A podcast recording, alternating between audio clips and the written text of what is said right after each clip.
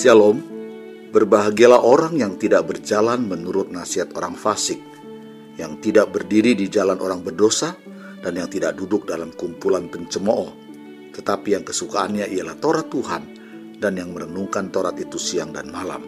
Selamat mendengarkan firman-Nya. Tuhan Yesus memberkati. Shalom, selamat pagi Bapak Ibu Saudara sekalian. Mari kita berdoa terlebih dahulu sebelum kita dengar renungan. Bapa dalam surga, sucikan kuduskan hati dan pikiran kami, biarlah firman ini boleh memberkati kami Tuhan sebelum kami melakukan aktivitas. Haleluya. Amin. Bapak Ibu Saudara sekalian kasih Tuhan, renungan pagi ini saya beri tema bahan bakar. Dalam Kolose 3 ayat 24 berkata, kamu tahu bahwa dari Tuhanlah kamu akan menerima bagian yang ditentukan bagimu sebagai upah. Kristus adalah Tuhan dan kamu adalah hambanya. Nah Bapak Ibu Saudara sekalian kasih Tuhan, kita tentu memiliki kendaraan baik itu motor maupun mobil. Motor dan mobil yang kita pakai tentu memerlukan yang namanya bahan bakar. Kalau kita tidak mengisi bahan bakar, maka kendaraan yang kita miliki itu tidak akan bisa berjalan karena kendaraan tersebut memerlukan yang namanya bahan bakar. Dalam kehidupan kita, Bapak Ibu Saudara, kita perlu yang namanya juga bahan bakar. Bahan bakar kita adalah firman Tuhan dan doa.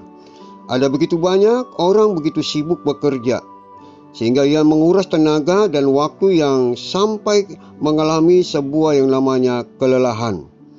Kelelahan secara fisik, karena apa? Sebab kita tidak memerlukan bahan bakar.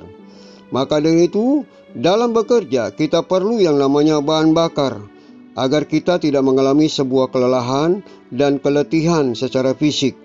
Maka dari itu, bahan bakar yang namanya firman Tuhan dan doa itu sangat penting dalam kehidupan kita yang kita jalankan hari-hari ini.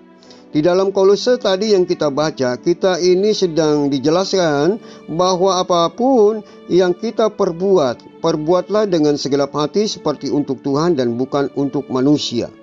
Dan kita akan menerima upahnya dari Bapa di surga kalau kita belajar untuk mengikuti kehendak Tuhan dalam membaca firman dan doa dalam kehidupan kita. Dan kita tidak akan bisa menikmati berkat Tuhan jadi dalam pekerjaan yang kita lakukan adalah kita untuk Tuhan dan kita mau lakukan juga dengan sungguh-sungguh, dengan benar. Dengan itu mari kita mau minta pertolongan Tuhan agar terus bekerja kita ini tidak akan bisa keletihan kelelahan karena kita terus mengisinya dengan bahan bakar yang Tuhan sudah berikan. Motivasi dan semangat kita dalam bekerja sangat menentukan hasil kerja kita yang kita lakukan. Karena Tuhan tidak ingin meninggalkan kita, bahkan Tuhan akan memberkati kita dalam usaha, pekerjaan, dan rumah tangga kita. Dalam Amsal 18 ayat 14 berkata, Orang yang bersemangat dengan dapat menanggung penderitaannya, tetapi siapa akan memulihkan semangat yang patah? Tuhan memberitahukan kepada kita semua Bapak Ibu Saudara bahwa kita perlu yang namanya semangat semangat untuk tetap mengisi bahan bakar kita melalui firman dan doa agar kita bisa hidup sukses, agar kita hidup sehat, agar bisa kuat dan kita bisa menikmati masa depan yang cerah di dalam Tuhan. Jadi jangan padamkanlah motivasi dan semangat kita untuk bekerja yang perlu kita lakukan, kita perlu mengisi setiap hari eh, hidup kita dengan bahan bakar yang Tuhan sudah berikan dalam hidup kita. Firman dan doa adalah satu hal yang sangat diperlukan dalam kehidupan kita ya.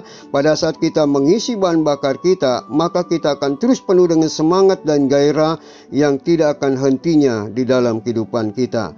Demikianlah renungan pagi ini saya sampaikan. Kiranya Tuhan Yesus memberkati kita semua. Bapa di dalam surga, kiranya kau tolong Tuhan buat seluruh jemaatmu dan seluruh pendengar radio di mana pun podcast yang kami dengar hari ini. Tuhan kiranya kau memberkati mereka sebelum mereka melakukan aktivitas mereka. Biar mereka boleh mengisi bahan bakar mereka masing-masing. Sehingga pada saat mereka bekerja tidak mengalami keletihan dan kelelahan. Di dalam nama Yesus, hamba berdoa dan mengucap syukur. Haleluya. Amin. Puji Tuhan, saudara yang dikasih Tuhan, saya percaya firman Tuhan menjadi berkat dan kekuatan buat saudara semua. dan Roh Kudus akan memberikan pemahaman yang lebih dalam tentang kebenaran firman Tuhan. Tuhan Yesus memberkati saudara semua. Sampai jumpa dalam renungan yang berikutnya. Haleluya.